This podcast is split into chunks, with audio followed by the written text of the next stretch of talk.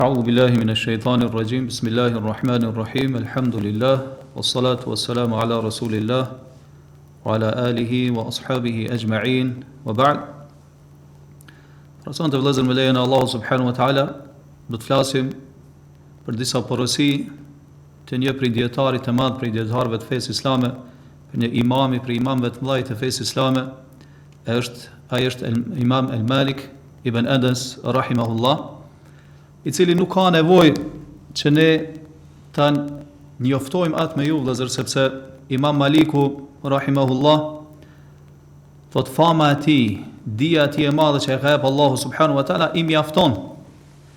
Megjithatë, themi se Ky imam është njëri prej katër imamëve të mëdhenj të fesë islame dhe është imamu daril hijra, pra është imami i vendit në cilin e ka zgjedh pejgamberi sallallahu alaihi wasallam me ba hijret pra Medinën e ndritshme.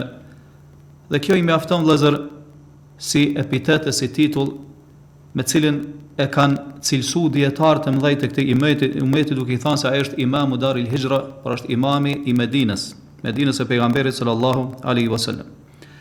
Pra vëllazër nuk është qëllimi që ne të njoftohemi për së afërt me këtë imam, mirë po qëllimi është që ne do t'i marrim disa porosi madhështore të këtij imami, fjalë të urta të tij, me të cilat ai e ka këshillu dhe e ka porosit umetin islam. Porosit që i kemi zgjedh vëllezër me folë sonte për ta, janë të llojllojshme, pra prekin tema të ndryshme dhe ato na tregojnë për së afërmi për dijen e madhe që ka pas ky dijetar i madh për urtësinë e tij të thellë, për atë se sa ka qenë i kapur për Kur'anin edhe sunetin e pejgamberit sallallahu alaihi wasallam. Po se ishte personi i cili ua donte të mirën muslimanëve. Dhe për shkak të kësaj, prej tij burun edhe këto këshilla madhështore. Dhe nuk është për çudi vëllezër sepse personi i cili shikon tek fjalët e brezave të parë të Islamit, porositë e tyre, këshillat që ata na i kanë dhënë vren se do thot ata kanë fol vëllezër me dije të thellë. Edhe nuk kanë fol, do thotë të nxitur nga ato egot, tekat e shpirtit vet. Mirë po kanë fol për me e kënaqë Allahun subhanu wa ta'ala. Kanë fol për me i udhëzu njerëzit. Kanë fol nga që ja u kanë dashtë mirën muslimanve. Për shkak sinqeritetit, vërtetësisë që e kanë pas në raport me Allahun subhanahu wa taala. Sa do thot transmetohet se një dijetarit të madh islam i kanë thënë përse këshillat e brezave të parë të muslimanëve do thot janë më të dobishme se sa fjalët tona. Ka thënë sepse ata kanë folë që me e kënaqë Allahun subhanahu wa taala, me e forcu islamin. Kurse ne thotë sot flasim çka për me zan pozitë tek njerëzit, për me i kënaqë do thot njerëzit, për me përfitu të mira materiale të jetës së kësaj bote. E kështu me radhë. Se këta brezat e parë të Islamit janë ata pishtarët ndriçues vëllezër. Janë ato minaret e udhëzimit, Janë ata të cilët na kanë bartë fenë brez pas brezi. Pra fenë të cilën ne e kemi sot vëllezër dhe e gëzojmë është pikërisht na është transmetuar dhe është kumtuar nga brezat e parë të Islamit. Pra janë ata që janë tregu janë tregu këshillues, i kanë udhëzuar njerëzit edhe e kanë bartë fenë fenë Allahu subhanahu wa taala ashtu siç është më s'miri gjithmonë duke e pasu pejgamberin sallallahu alaihi wasallam sunetin e tij gjithmonë duke i zbatu urdhrat e pejgamberit sallallahu alaihi wasallam edhe duke u largu nga ndalesat e tij dhe kështu vëllezër pra këta njerëz e kanë ruajt fenë Allahu subhanahu wa taala edhe pastaj e kanë transmetuar atë edhe e kanë shkruar atë nëpër libra në mesin e librave cilat janë shkruar pikërisht njëri prej librave më madhështore që i ka tubu hadithet e pejgamberit sallallahu alaihi wasallam është libri i Imam Malikut pra El Muwatta dhe përcillet se shumë dijetarë tjerë kanë shkruar libra të ngjashme sikur kjo El Muwatta në kohën e Imam Malikut. Edhe i kanë thënë njerëzit pse po shkruan këtë libër kur edhe njerëz të tjerë dijetarë të tjerë po shkruajnë. Po cila është dobia e kësaj? Ai ka thënë ma kana lillahi baqi. Ajo që është për hir të Allahut ka me mbet. Edhe është çudi se gjitha ato libra tjera që i kanë shkruar të tjerët, domethënë, sot nuk përmenden, ndërsa përmendet vetëm El Muatta, që është e imam Malikut, Rahimahullah.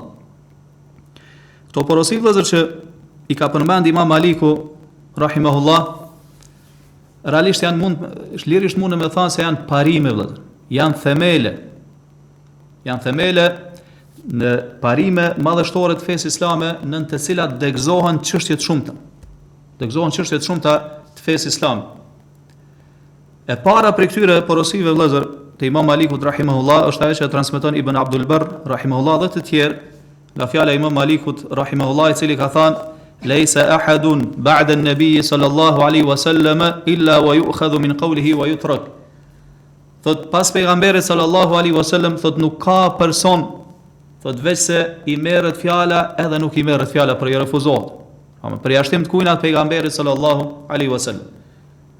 Ka ndërsa në disa transmetime ka thënë secilit prej nesh i pranohet fjala dhe refuzohet. Përveç atij që është i varrosur në atë varr dhe ka bënë me shenjë drejt varrit të pejgamberit sallallahu alaihi wasallam se ka qenë do të thotë në xhaminë e pejgamberit sallallahu alaihi wasallam. Kjo është vëllezër vërtet është porosi madhështore, është këshillë madhështore nga Imam Maliku, e cila na jep me kuptu se ne duhet të zhveshemi nga çdo gjë tjetër dhe ta pasojmë sunetin e pejgamberit sallallahu alaihi wasallam. ngaqë është ai i vetmi i cili duhet të pasohet në mënyrë absolute. Për shkak se kështu na ka urdhëruar Allahu subhanahu wa taala. Wa ati'u Allaha wa ati'u ar-rasul. Bindjuni Allahut dhe bindjuni pejgamberit sallallahu alaihi wasallam. Ndërsa njerëz të tjerë, po përveç pejgamberit sallallahu alaihi wasallam, fjalët e tyre mund të merren, mirëpo mund edhe të refuzohen. Pranohen kur kur ato janë përputhje me të vërtetën, ndërsa refuzohen kur ato janë kundërshtim mospajtim me të vërtetën, pa marrë parasysh kush janë ata njerëz. Me përjashtim vëllezër të pejgamberit sallallahu alaihi wasallam. Fjalët e tij e kemi obligim t'i pasojmë. Pse vëllezër se ajo është shpallje prej Allah subhanahu wa taala. Allah thotë, duke treguar për pejgamberin sallallahu alaihi wasallam, "Wa ma yantiqu anil hawa in huwa illa wahyu yuha."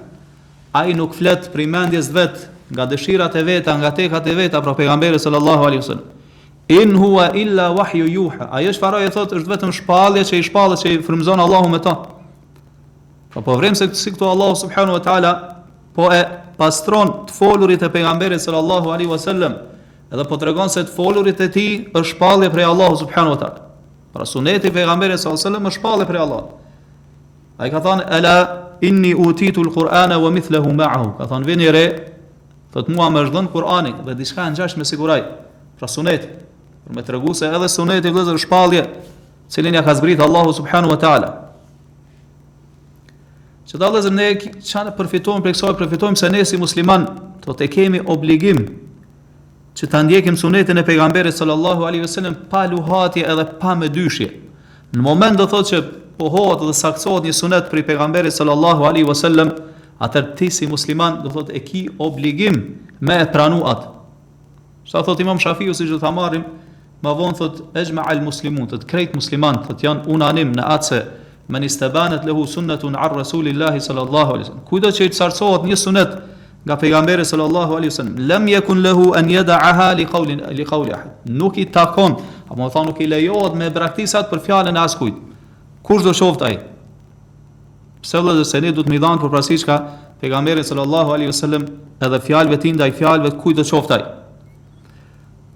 Pra vëllezër ne si musliman domethënë karshi sunetit të pejgamberit sallallahu alaihi wasallam duhet me i pas dy qëndrime.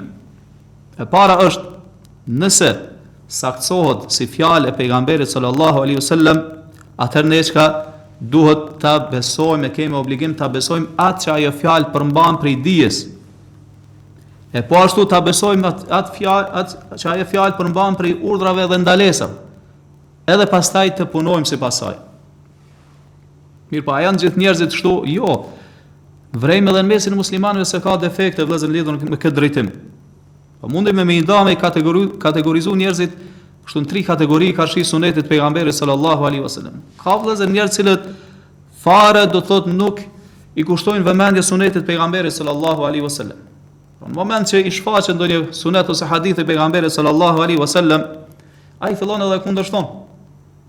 Thot me arsyetime, më thënë me anën logjike që pretendon ai, do më thënë me anën logjike ti me mendjen e tij apo me anë të analogjive të prishura, të paqëndrueshme, apo me arsye tjera që ai sheh se janë të arsyeshme, edhe me këto mundohet do thot me e zhvlerësu punën me sunetin e pejgamberit sallallahu alaihi wasallam.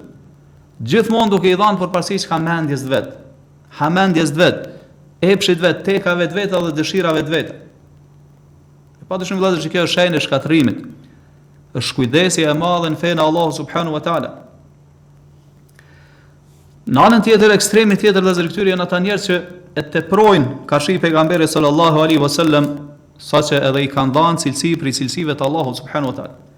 Qoftë në aspektin e zotërimit të Allahut, qoftë në aspektin e uluhijes, do të thotë duke e adhuruar pejgamberin sallallahu alaihi wasallam sikur që adhurojnë Allahun.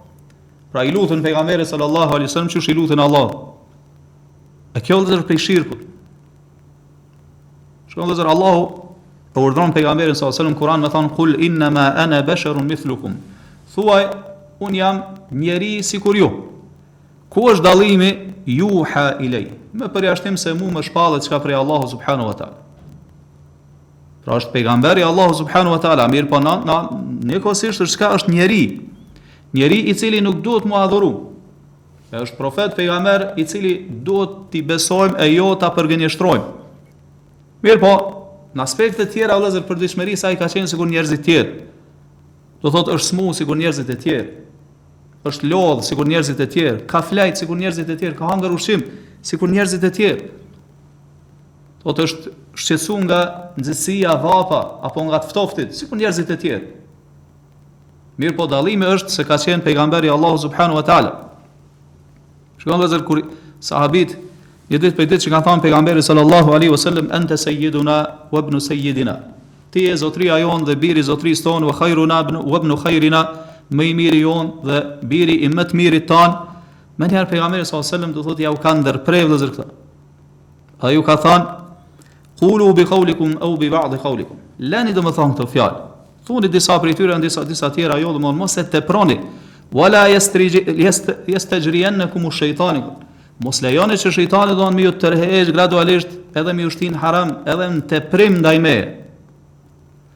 Ka thënë fa inna ma ana abduhu, unë jam vetëm rob i Allahut subhanahu wa taala, fa qulu abdullahi wa rasul. Andaj thoni rob i Allahut dhe i dërguar i tij.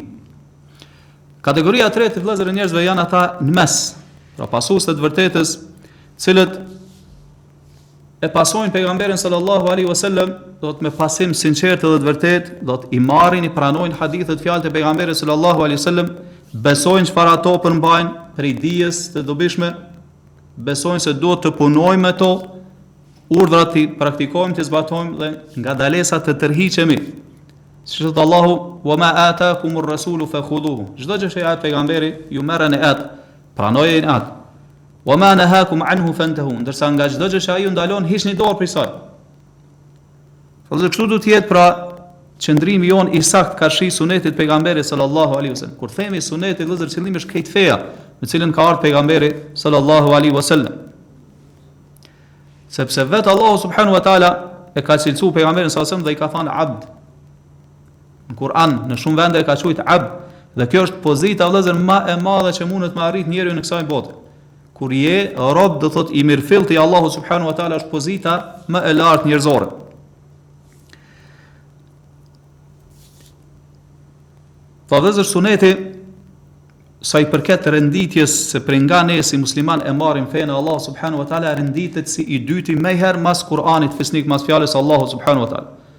Referenca e dytë, burimi i dytë prej nga muslimani e merr fenë është suneti i pejgamberit sallallahu alaihi wasallam.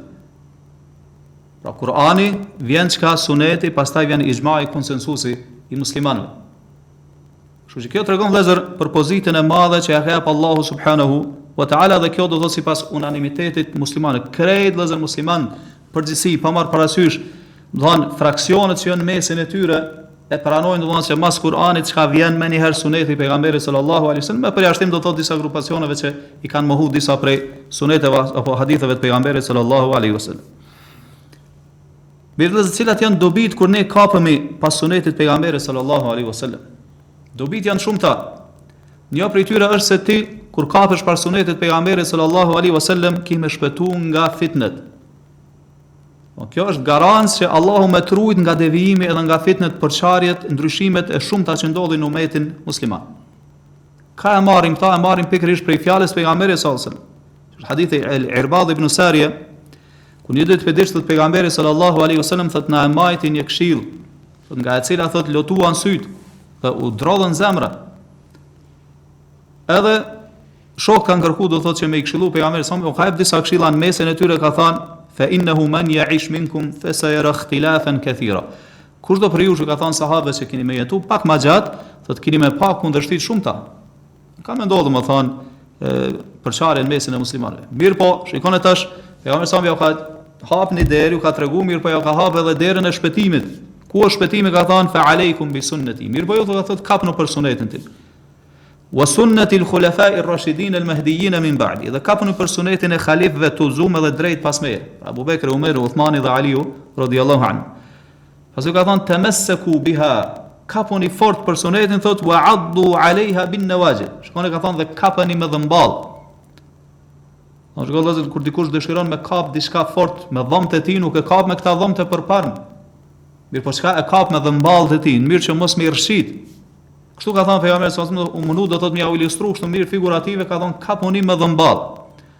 Pastaj ka thënë wa iyyakum wa muhdathati al-umur. Kini kujdes nga gjërat e shpikura në fenë e Allahut subhanahu wa taala.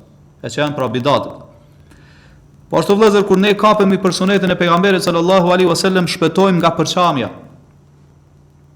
Pra pikërisht vëllezër uniteti, bashkimi mes muslimanëve ku është nuk është vëllezër çfarëdo lloj bashkimi. Bashkimi është pikërisht kur njerëzit muslimanë kthehen në sunetin e pejgamberit sallallahu alaihi wasallam. Kështu na ka treguar, na ka mësuar vetë pejgamberi sallallahu alaihi wasallam.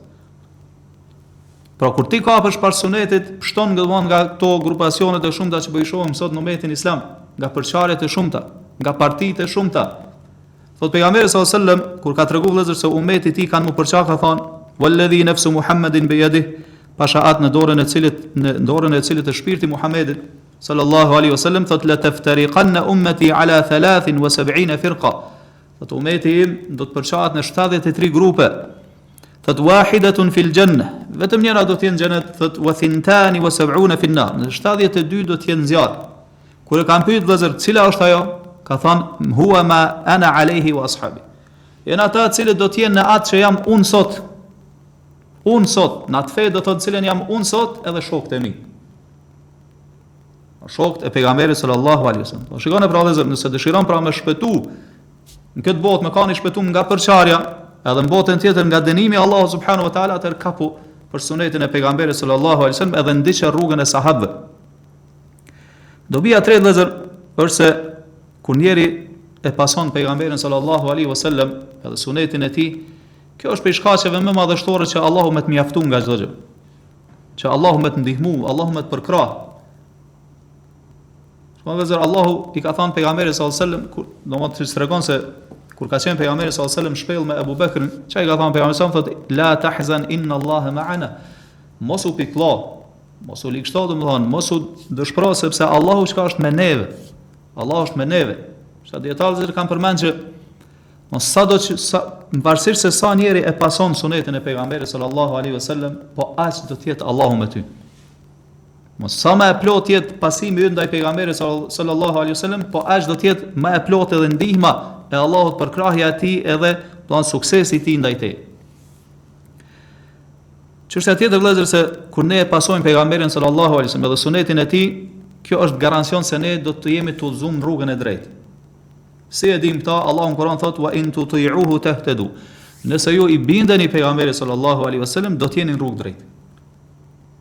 Në atë me kuptu vëllazër që në moment që ti nuk nuk e pason sunetin e pejgamberit sallallahu alaihi wasallam, atëherë ke deviju. Pa var, do thot varësisht se sa je largu prej sunetit të tij. Qoftë pak apo shumë. Sa ma afër sunetit do të jesh ma afër udhëzimit edhe ma afër të vërtetës. Pra suneti vëllazër është ai mesi i artë që ne duhet me ndjek.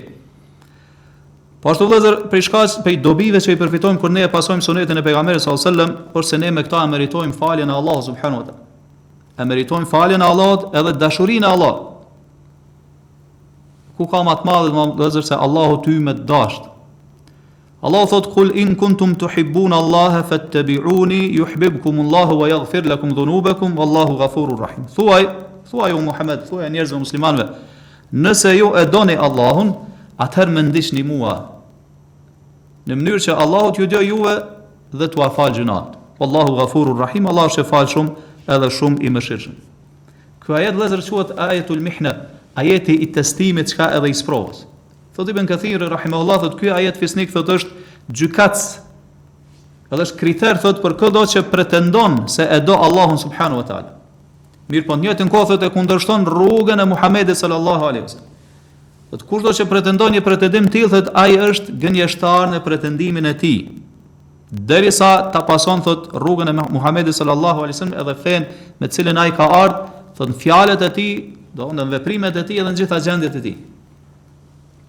Tha dhe këto ishin disa dobi që ne i përfitojmë kur e pasojmë sunetin e pejgamberit sallallahu alaihi wasallam kur ne do thot i japim përparësi fjalëve të tij ndaj fjalëve të njerëzve ndaj mendimeve opinioneve të njerëzve ashtu siç na urdhon Allahu në Kur'an dhe thot o besimtarët la tuqaddimu baina yaday Allahi wa rasuli o besimtar mos i jepni përparësi askujt para Allahut Edhe pejgamberit sallallahu alaihi wasallam. Kjo ishte vëllazër gjë e mirënjohur në mesin e sahabëve. Dhe ata nuk i kanë dhënë përparësi kurgjafit para fjalëve të pejgamberit sallallahu alaihi wasallam. Madje do thot edhe fjalëve dijetarëve në mesin e tyre nuk i kanë dhënë përparësi para fjalëve të pejgamberit sallallahu alaihi wasallam. Shikoni vëllezër është rasti, domethënë lidhur me kryerjen e haxhit, po që Abu Bekr Umeri radhiyallahu anhuma kanë pas mendimin me kry një lloj tjetër haxhi që e ka kryer pejgamberi sa për disa arsye. Ibn Abbasi domethënë ka pas mendimin se duhet me kry ashtu siç e ka kryer pejgamberi sa selam apo ka urdhëruar me kry pejgamberi sa, që është haxh haxhi temettu. Njerëzit i kanë thënë po Abu Bekr dhe Umeri po thonë ndryshe. Ka thënë po tutna që kanë ka me zbrit Allahu gur pe qiellit. Ka thonë unë po ju them, ka thënë pejgamberi sallallahu alaihi wasallam, ndërsa ju po thoni çka ka thënë Abu Bekri, edhe Omeri. Shiko vëllezër do të thotë sa i kanë respektuar fjalët e pejgamberit sallallahu alaihi wasallam me gjithë pozitën e madhe që i kanë zënë n'Islam Abu Bekri edhe Omeri. Kështu kanë vazhduar vëllezër edhe dietarët brezat që kanë ardhur mas sahabëve. Domethënë tabiin, tabi tabiin, dietarët imamllarët e fesë.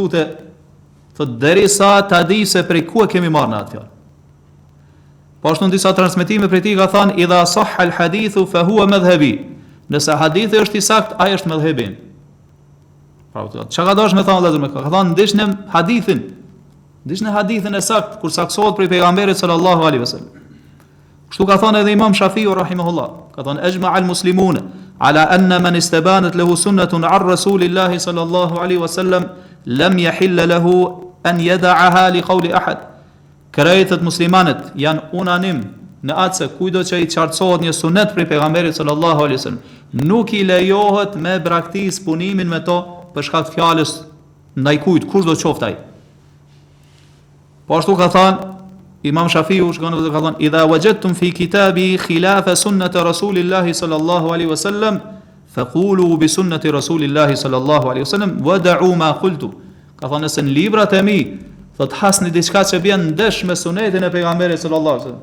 Thot merrne sunetin e pejgamberit sallallahu alaihi praktikojeni thot e lene fjalën tem. Mos punoni domethonë me fjalët e mia. Po ashtu ka thënë vëllezër edhe Imam Ahmedi, pra këta këta imam të mëdhenj t'fesë islame,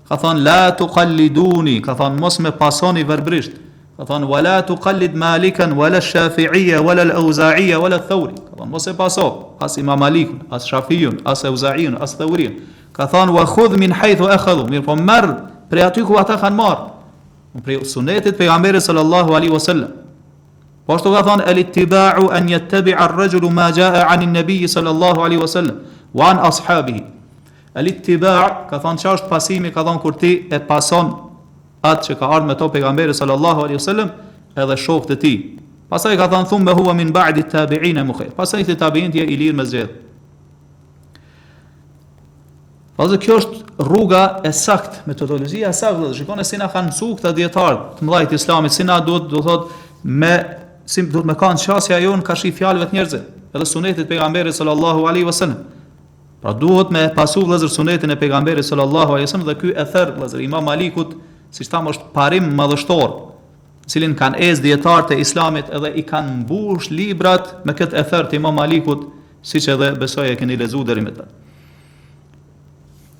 Parimi i dytë vëllazër që ka përmend Imam Maliku, apo me thonë porësia e dytë që transmetohet prej Imam Malikut, siç do ta marrim sot, është ajo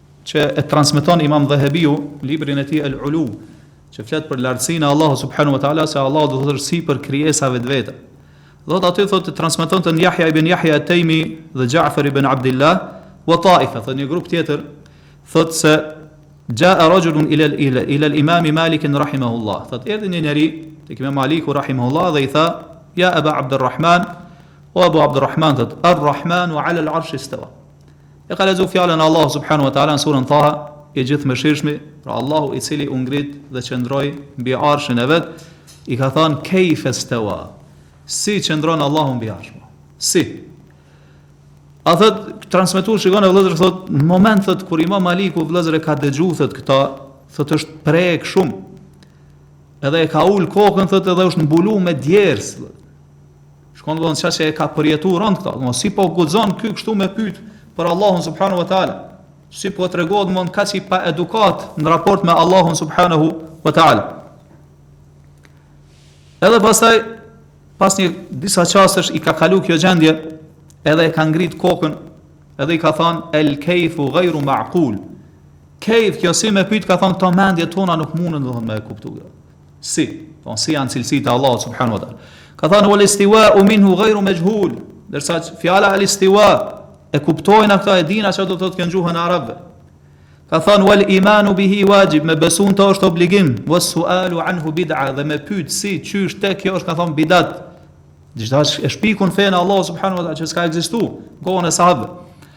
Ka thënë wa inni akhafu an takuna dallan.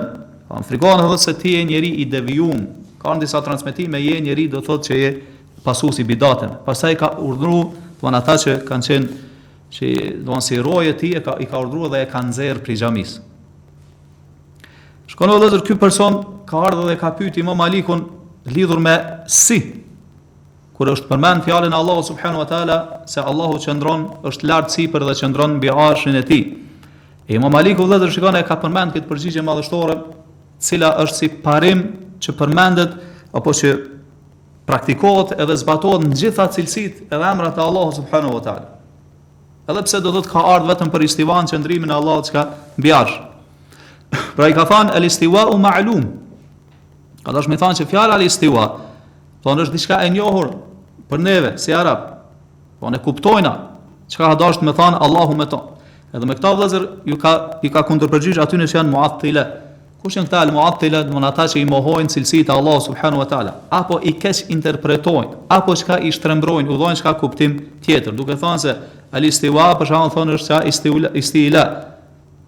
Qëllimi se Allahu domethënë çka e ka mbisundu domethënë e ka sunduar arshin kosmosin e kështu me radhë.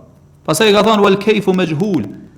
Kjo me pyet kayf si ka thënë kjo është është e panjohur për neve si janë cilësitë e Allahut subhanahu wa taala. Pse vëllazër se po fillimisht kjo është kundërpërgjigje ndaj atyre të cilët ju dhajnë mënyrë edhe formë edhe shembull cilësive të Allahut subhanahu wa taala. Sepse kush vepron ashtu ka fol për Allahun çka pa dije. Pse vëllezër se Allahu subhanahu wa taala në Kur'an na ka treguar për cilësitë e tij, mirëpo nuk na ka treguar si janë ato. Nuk na ka treguar si janë ato. Na ka treguar se ai është ngritë dhe qëndron mbi arsh. Na ka na ka treguar se Allahu zbret, mirëpo si nuk na ka treguar. Sepse mendjet tona vëllezër nuk mundën me perceptuar një gjë t'tillë. Se mendja e njeriut çka është e kufizuar. Mirëpo njëkohësisht na e dina çka është istivaja. Na e dina çka është zbritja. Mirëpo mënyrën si, këta nuk e dina. Qëta ka dash me ja tregu, me ja sqaru imam Maliku, Rahimahullah. Pastaj ka thonë, wal imanu bihi wajib, ndërsa me besu në gjithë këto është obligim. Edhe kjo është kundërpërgjigje vllezër ndaj atyre cilët i shtrembrojnë, i keqinterpretojnë cilësitë e Allahu subhanahu wa ta'ala.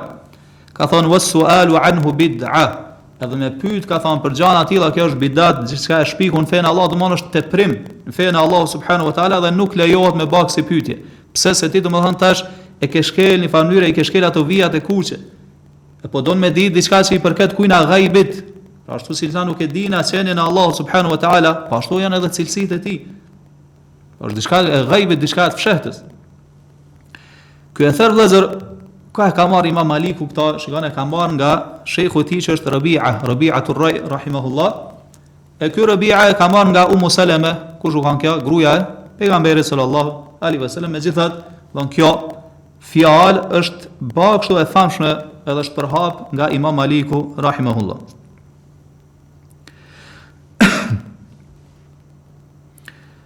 Pra vllezër ehlu suneti edhe gjemati i pohojnë cilësitë e Allahu subhanu wa ta'ala.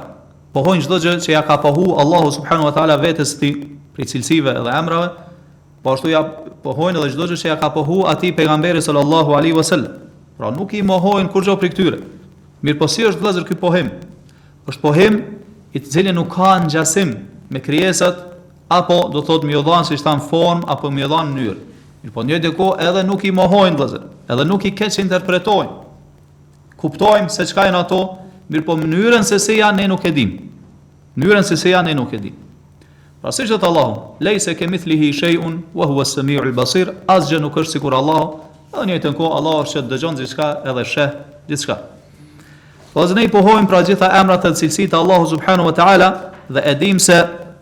Cilësitë e Allahut subhanahu wa taala përfitohen nga emrat e tij sepse çdo emër vëllezër i Allahu subhanahu wa taala në vetë përmban cilësi në vetvete përmban cilësi madhështore të lartë të Allahu subhanahu wa taala mirëpo ne nuk hyjmë nuk thellohemi në gjëra të cilat Allahu subhanahu wa taala në to ka vendosur kufi vëllezër ngaqë mendjet e njerëzve janë çka të mangëta Dhe shikoni vllezër se si domthon Imam Maliku ja ka ndërpre këtij pyetësit pyetjen që e ka bë, edhe e ka eduku. Edhe i ka tregu domthon se si duhet me kanë metodologjia e saktë në këtë aspekt. Edhe ka urdhëruar që ai njeri me u nxjerr domthon nga ai mexhlis, në mënyrë që mos të përhap dyshime në mesin çka të muslimanëve me pyetjet që i ka bë. E kështu vllezër duhet të jetë. Kështu duhet të jetë vllezër. Të kemi kujdes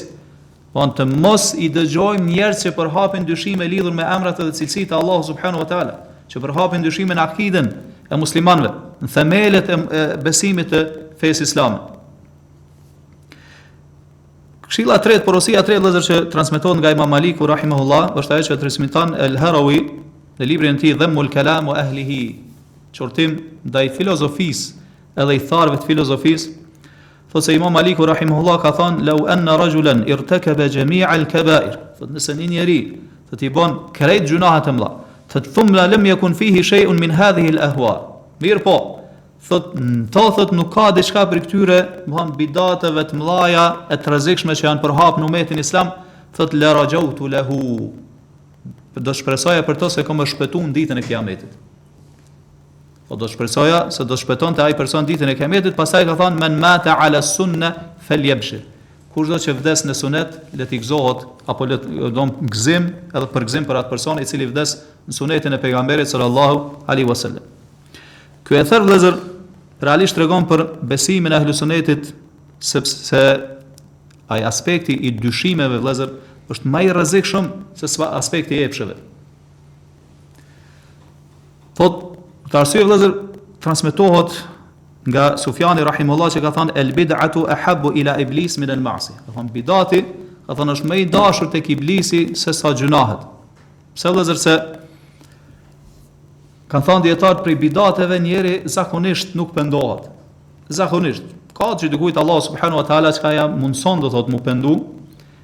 Mirëpo, përgjithësisht nuk pendohet pse sepse ai mendon që është duke ba mirë.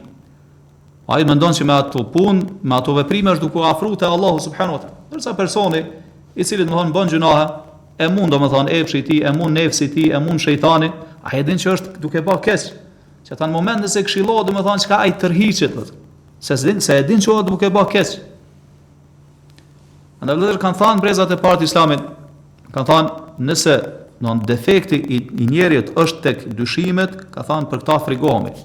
Për këta frigohemi domethënë se përfundimi i tij ka me kanë keq gjatë daljes kësaj bote. Mirëpo ka thënë nëse është tek epshet, thot shpresojmë që herdokur, domethënë Allahu ja mundson me u pendu edhe me i braktis ato. Vllazër, duhet me kuptu qartë vëllezër këtë thënie të imam Malikut.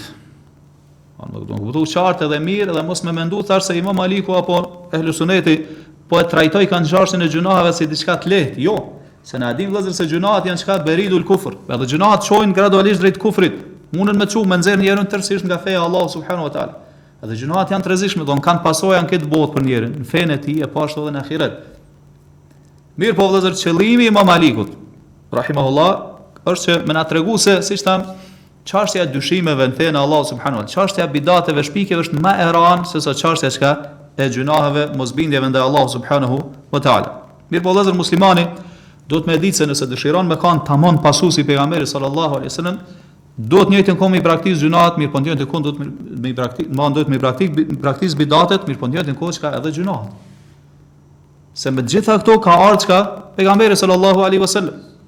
Pra nuk mundesh mu qujt pasus i mirëfillt i pejgamberit sa sëllëm, nëse ti pretendon se ti tashma e ke pastru akidën tane, adhurimet tua, ndërsa njëjtën kohë çka bën edhe gjynahe, po. Domethan ende nuk ke arrit me eduku vetën bazë të atyre parimeve. Kështu nëse dëshiron me kanë tamam pasus i sunetit duhet njëjtën kohë duhet m'i braktis vëllezër edhe gjynahet. Mirëpo sidoqoftë, thot qashtja gjynaheve vllezër është ma e lehtë se sa qashtja e bidateve.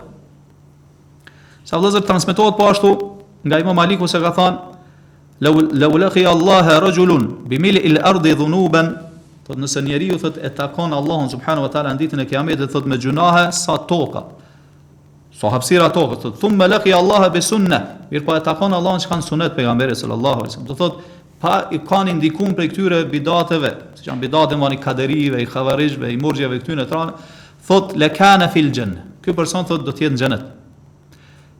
Thot ma'a an-nabiyyin was-siddiqin wash-shuhada was-salihin. Me profetët, thot me njerëzit e vërtetë e sinqertë, thot me shuhedat, me dëshmorët, edhe me njerëzit e devotshëm muslimanët e devotshëm. Po, si thamë vëllazër, duhet m'u kuptu mirë kjo mesele. Mos me mendu dikush se na tash po e trajtojmë si të lehtë çështjen e gjynaheve. Mirëpo, qëllimi është që kur njeri vëllezër kapet pas Kur'anit, kapes, kapet pas Sunetit, edhe nëse bën gjynahe, mirëpo e ka rujt Allahu prej bidateve, kjo është një prej shkaqeve më madhështore që ky person që ka me shpëtu në ditën e Kiametit. Dhe po don me na tregu këtu imam Maliku se kur njeri sprovohet me bidate, do kjo është bela ma e madhe se sa mu sprovu me gjynah.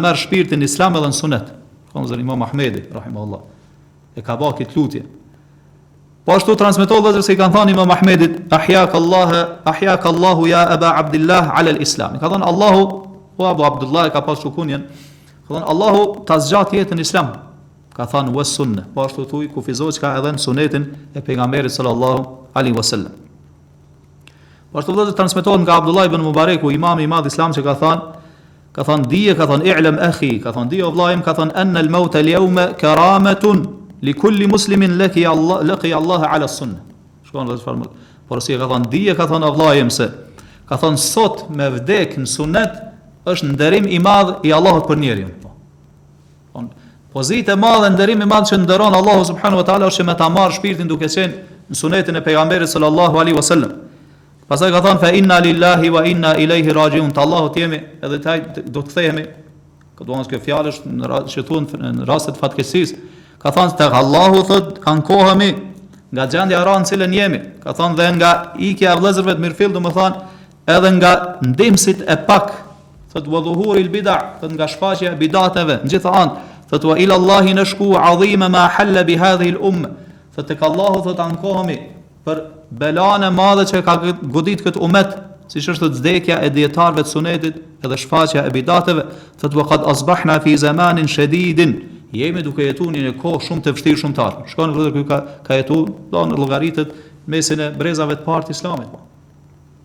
E si është që është janë ditët që po jetojmë ne sot. Andaj vllezër, kur njeri kapet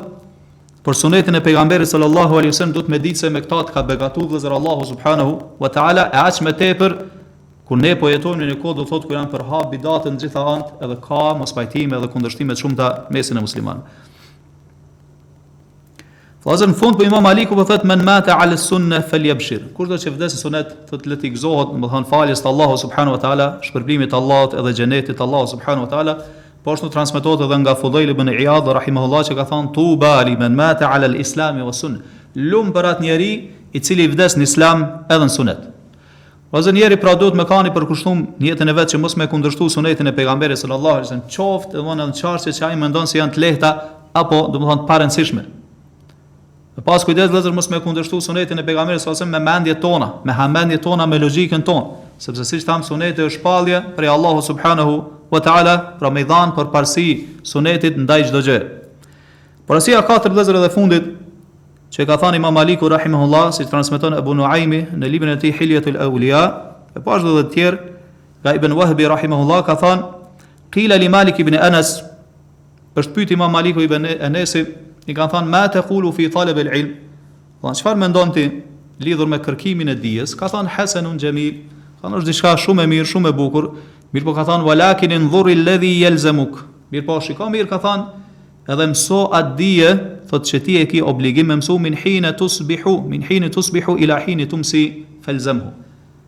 Domthonë ata që e ki obligim me e ditë prej kur çohësht sabah, e gjatë ditës, e deri sa të vjen mramja, domthonë ato që kërkohen prej teje me i ditë, ka thonë që ato e ki ti obligim primare me i mësu, pastaj me me i zbatu në jetën tane. Vëllezër edhe ky është një kjo është një porosi edhe këshillë madhështore e Imam Malikut, edhe siç thamë gjitha këto këshilla janë parime, parime të fesë islame.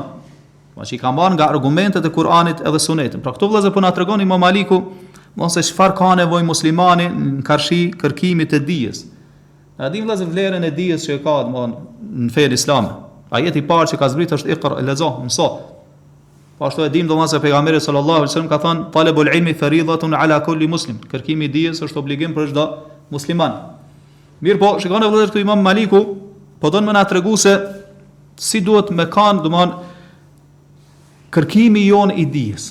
Po don me na tregu se kjo duhet me shku çka, në mënyrë graduale. E po don me na tregu se duhet me shiku mirë ti ma s'pari gjendjen tane. Edhe me ditë, do ku i ki ato defektet e tua, çka të mungon prej dijes, karshi, domethonë, raporteve tua me Allahun subhanahu wa taala. Asaj pastaj çka mos mi unda. Se njerëzit vëllazër dallojnë, ka njeri që është ka fillestar, ka njeri që është mesatar, ka njeri domethënë që është i avancuar. Kështu që nuk mundet ai fillestari me i mësu gjanat që është ai duke i mësuar ai mesatari apo ai që është domethënë në nivelet më të avancuara. Mirëpo, po do me na tregu që ti si musliman duhet me shiku vëllazër gjendjen tonë, hallin tonë. Edhe me ditë pastaj se çfarë po kërkohet prej teje.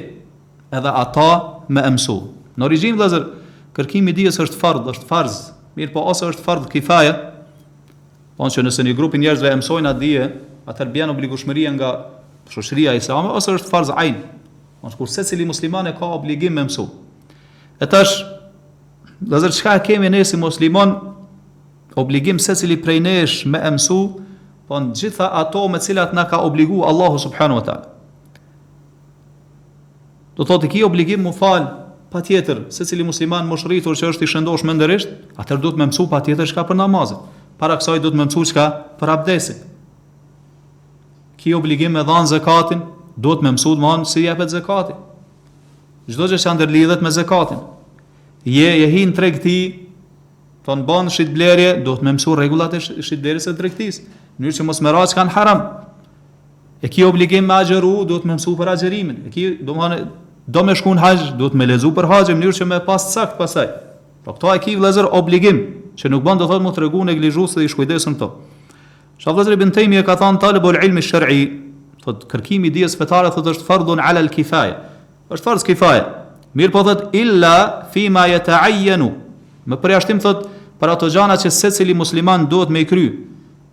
A ç'është dija thotë rreth gjërave që na ka urdhëruar Allahu apo na ka ndaluar prej tyre? Thotë hadha fardun ala al-a'yan. Kjo është obligim për secilin musliman. Vëllezër kemi njerëz sot shumë shumë njerëz shumë që vjen thotë ju thotë ende po fletni çka për abdesin, po fletni për namazin. Po shikoni njerëz ku kanë arrit, domethënë çka, ku ka arrit teknologjia, njerëz kanë shkuar në hanë, njerëz kanë shkuar kurse ju muslimanët ende po folni, domethënë për abdesin, për namazin e për gjëra të tilla. Çka i themi vëllazër këtij personi? Themi se duhet patjetër me mësu, domethënë për abdesin vëllazër, edhe për namazin, në mënyrë që me pas sakt, sepse e ki obligim. Edhe gjaja e parë për cilën ki m'u pyet në ahiret është namazi. A e ke kryer namazin në raport me Allahun subhanahu wa taala. Qeta abdesin duhet me pas në rregull, mënyrë që prej kësaj me rezultu pastaj edhe saktësia e namazit. E cila është dobia vëllazër kur njeri muslimani thot vetit Mirëpo çka, as nuk din me marrë abdes saktë, as nuk din me u falë saktë, ndërsa në anën tjetër në çashtjet e dunjallëkut domethënë nuk len asnjë detaj pa e mësuar ashtu siç duhet. Ku është vlera e këtij njeriu i cili thotë jam musliman dhe zotëri mirëpo çka tregohet i shkujdesur karshi mësimeve të fesë. Don as nuk e ndjek Islamin, as nuk e mëson Islamin, as nuk e pason pejgamberin sallallahu alaihi wasallam.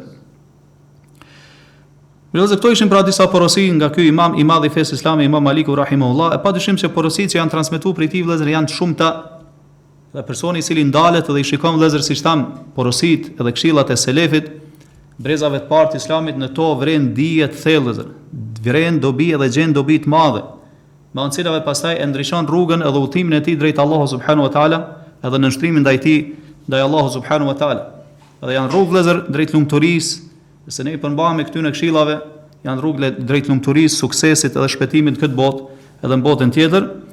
E ne në fund e lusim Allahun subhanahu wa taala që të na bëjë të qëndrueshëm edhe stabil në Islam, e po ashtu edhe në sunetin e pejgamberit sallallahu alaihi wasallam. Sallallahu wasallam ala nabina Muhammad